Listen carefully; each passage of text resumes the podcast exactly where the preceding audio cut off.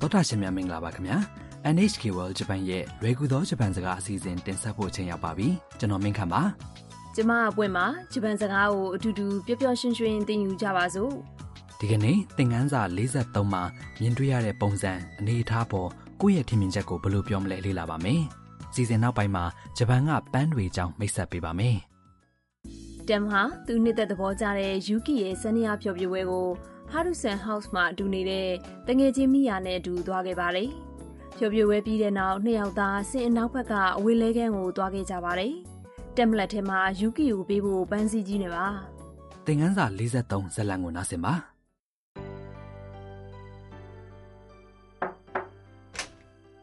ゆうきさん、お久しぶりです。 အော်タムさん去年、日本に来ました。日本語を勉強しています。そう夢が叶ったんですねはい。ゆうきさんも元気そうですね。また会えて嬉しいです。 ဝကြတစ်ကြောင်ချင်းကြည့်ပါမယ် တမ်တော့နောက်ဆုံးမှာယူကီနဲ့ပြန်တွေ့နိုင်ခဲ့ပါပြီ ゆうきさん、お久しぶりです。 ယူကီဆန်မတွေ့ရကြပါဘူး ယူကီကတမ်ကိုတွေ့တော့အံ့ဩသွားပါတယ် あタムさん အော်တမ်ဆန် တမ်ကယူကီကိုသူ့ရဲ့လက်ရှိအခြေအနေကိုပြောပြပါတယ် 去年、日本に来ました。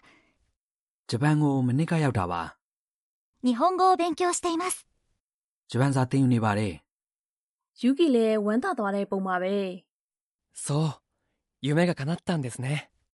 ဟုတ်လားအိမ်မက်တွေလက်တွေ့ဖြစ်လာတာပေါ့ ။တမ်ကပြောပါတယ် はい。ゆうきさんも元気そうですね。 ဟုတ်ကဲ့ယူကီဆန်လည်းကျမ်းမာတဲ့ပုံပဲနော် また会えて嬉しいです。 ပြန်တွေ့ရတာဝမ်းသာပါတယ် ။တမ်ကယူကီကိုပန်းစည်းလက်ဆောင်ပေးလိုက်ပါတယ်။တမ်ကယူကီနဲ့ပြန်တွေ့ရတာတော်ပါသေးတယ်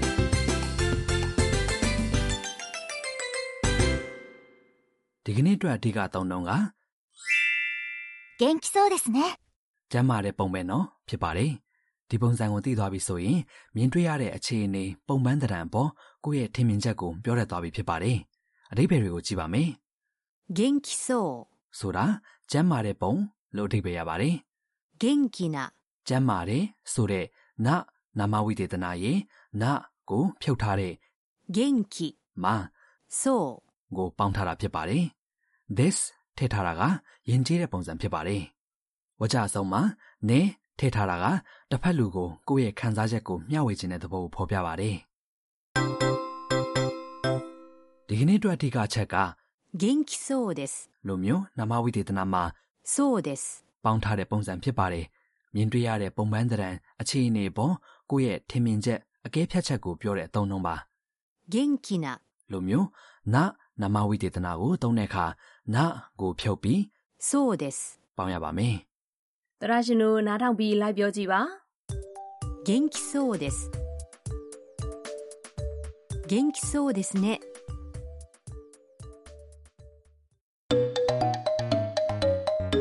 ။အခုတခါမြင်တွေ့နေရတဲ့အရာပေါ်ထင်မြင်ချက်ပေးနေတဲ့ဥပမာစကားပြောကိုနားထောင်ကြည့်အောင်။လမ်းလျှောက်နေကြတဲ့သူနှစ်ဦးပြောနေကြတာဖြစ်ပါတယ် あフリーマーケットをやってますね面白そう。 ။အဓိပ္ပာယ်တွေကိုကြည့်ပါမယ် あフリーマーケットをやってますね ။အော်ပစ္စည်းဟောင်းတွေရောင်းတဲ့လင်ဟာပြင်ဈေးလုပ်နေတာပဲ フリーマーケット、 ။ဆိုတာပစ္စည်းဟောင်းတွေအယောင်းဝယ်လောက်ကြတဲ့လာပြင်ဈေးပါ やってます。 ။ဆိုတာလုံနေတယ်လို့အဓိပ္ပာယ်ရပါတယ်။ やる、 လုတ်တယ်ဆိုတဲ့ကရိယာရဲ့ထဲပုံစံမှာ います。 ပေါင်းထားတာဖြစ်ပါတယ်။ဒါပေမဲ့ဒီမှာ e ကိုဖြုတ်ထားပါတယ် 面白そう。 ။ဟဲစိတ်ဝင်စားစရာကောင်းမဲ့ပုံပဲ 面白そ ။ဆိုတာစိတ်ဝင်စားစရာကောင်းမဲ့ပုံလို့အဓိပ္ပာယ်ရပါတယ်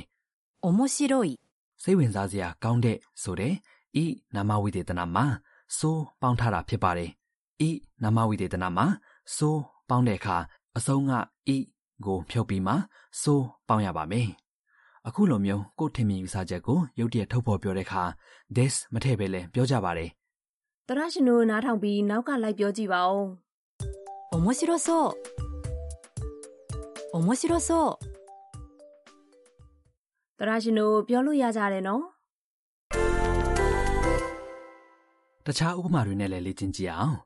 လှပတဲ့စားတောက်ဆိုင်တစ်ဆိုင်ကိုဝင်မဲ့လုပ်တဲ့အခါအပြင်ကနေအကဲခတ်ကြည့်လိုက်တော့ဈေးကြီးမဲ့ပုံပဲဆိုပါစို့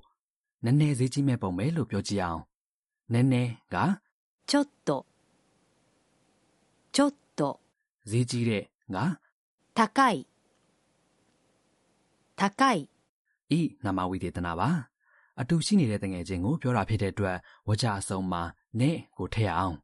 ကဲစူးစမ်းကြည့်ပါခင်ဗျာ ちょっと高そうですねちょっと高そうですねちょっと高そうですね နောက်တစ်ခါမီးရှူမီပန်းပွဲတော်ဒီညကျင်းပဖို့ရှိတယ်ဆိုပါစို့ဒါပေမဲ့တိမ်ထူပြီးမိုးတွေရွာလာတာကြောင့်ပွဲဖျက်ရမယ့်ပုံပါပဲဒီနေ့မရမယ့်ပုံပဲလို့ပြောကြည့်ရအောင်ဒီနေ့က 今日今 အဓိကအကြောင်းအရာကတ္တာပုတ်ဖြစ်တဲ့အတွက်ဝိဘတ်ဝထည့်ရပါမယ်မကောင်းတဲ့မရတဲ့ကနနမဝိတေသန 日ダメなダメな လို့ပြောပါတယ်စူးစမ်းကြည့်ပါအောင် 今日はダメそうですね今日はダメそうですね今日はダメそうですね တရာရှင်တို့ပြောလို့ရကြလား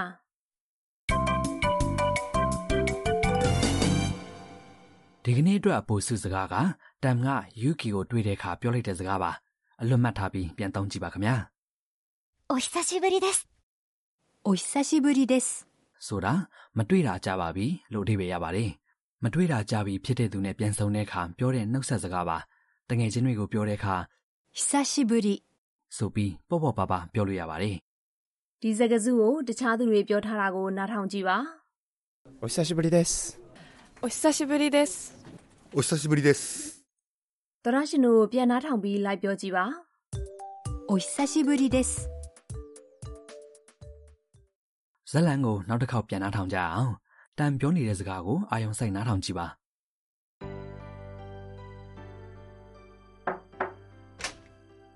ゆうきさんお久しぶりですあダムさん去年日本に来ました日本語を勉強していますそう夢が叶ったんですねはいゆうきさんも元気そうですねまた会えて嬉しいです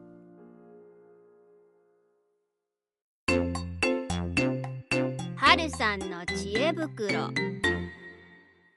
အခုဆက်ပြီးဟာရုဆန်ရဲ့ဘ ഹു တုတဟင်းလေးကိုကန်တာပါဒီနေ့ဇတ်လန်ထဲမှာတမ်ကယူကီကိုပန်းစီပေးလိုက်ပါတယ်ဒါကြောင့်ဂျပန်ကပန်းတွေအကြောင်းမိတ်ဆက်ပေးပါမယ် ငါပွင့်ရင်ဂျပန်ကပန်းတွေလို့ပြောလိုက်ရင်ဘယ်ပန်းကြိုက်လဲ อืมချယ်ရီပန်းကိုကြိုက်တယ် ဟုတ်လားဗျာဂျပန်မှာရာသီလိုက်ပွင့်တဲ့ပန်းတွေအမျိုးမျိုးရှိပြီးတော့ပန်းတွေနဲ့နာမည်ကြီးတဲ့နေရာတွေနိုင်ငံအနှံ့မှာရှိတယ်။နေဦးမှာချယ်ရီပန်းအဲ့ဒီနောက်မိုးရင်းဆိုရင်6လပန်းတွေပွင့်တယ်။6လပန်းဖျားချောင်းဆိုပြီးနာမည်ကြီးတဲ့ဖျားချောင်းတွေလည်းနေရာအနှံ့ရှိပါတယ်။ ဟော့ကိုင်ဒိုကလည်းနွေရာသီမှာပွင့်တဲ့ပန်းတွေကြောင့်နာမည်ကြီးရယ်နော် ဟုတ်ပါတယ်ဟိုကိုက်ဒိုမှာနွေရာသီဆိုရင်ခြေပြောလာတဲ့လာဗန်ဒါပန်းကင်းတွေဒေဂျာပန်းကင်းကြီးတွေထဲမှာခီးသွွားဧည့်သည်တွေနဲ့ပြည့်နှက်နေပါတယ် နောက်ပြီးတော့လေဂျပန်ရဲ့အစားအဦးရာသီလို့ပြောလိုက်ရင်အယောင်ပြောင်းတဲ့သစ်ရွက်တွေကိုမြင်အောင်လာမိရော အယောင်ပြောင်းတဲ့သစ်ရွက်တွေတင်ပဲဟုတ်မလဲဒင်္ဂါပန်းတွေကလည်းစောင်းရာသီရဲ့ပန်းတွေဖြစ်နေနာမည်ကြီးတယ်ပန်းရောင်အဖြူရောင်အနီရောင်စသဖြင့်ရောင်စုံဒင်္ဂါပန်းတွေကလေဝိမှာရိမ့်နှွေ့နေတာတိတ်လာလာမပွင့်ရေ စောင်းရာသီဆိုရင်ရော စောင်းရာသီကတော့မန်မန်းနဲ့တူတဲ့ဥမဲလို့ခေါ်တဲ့အပင်ရဲ့ပန်းတွေပါဥမဲပန်းတွေပွင့်ပြီးဆိုရင်တော့မကြခင်နွေဦးရောက်တော့မယ်လို့ခန်းစားကြပါတယ်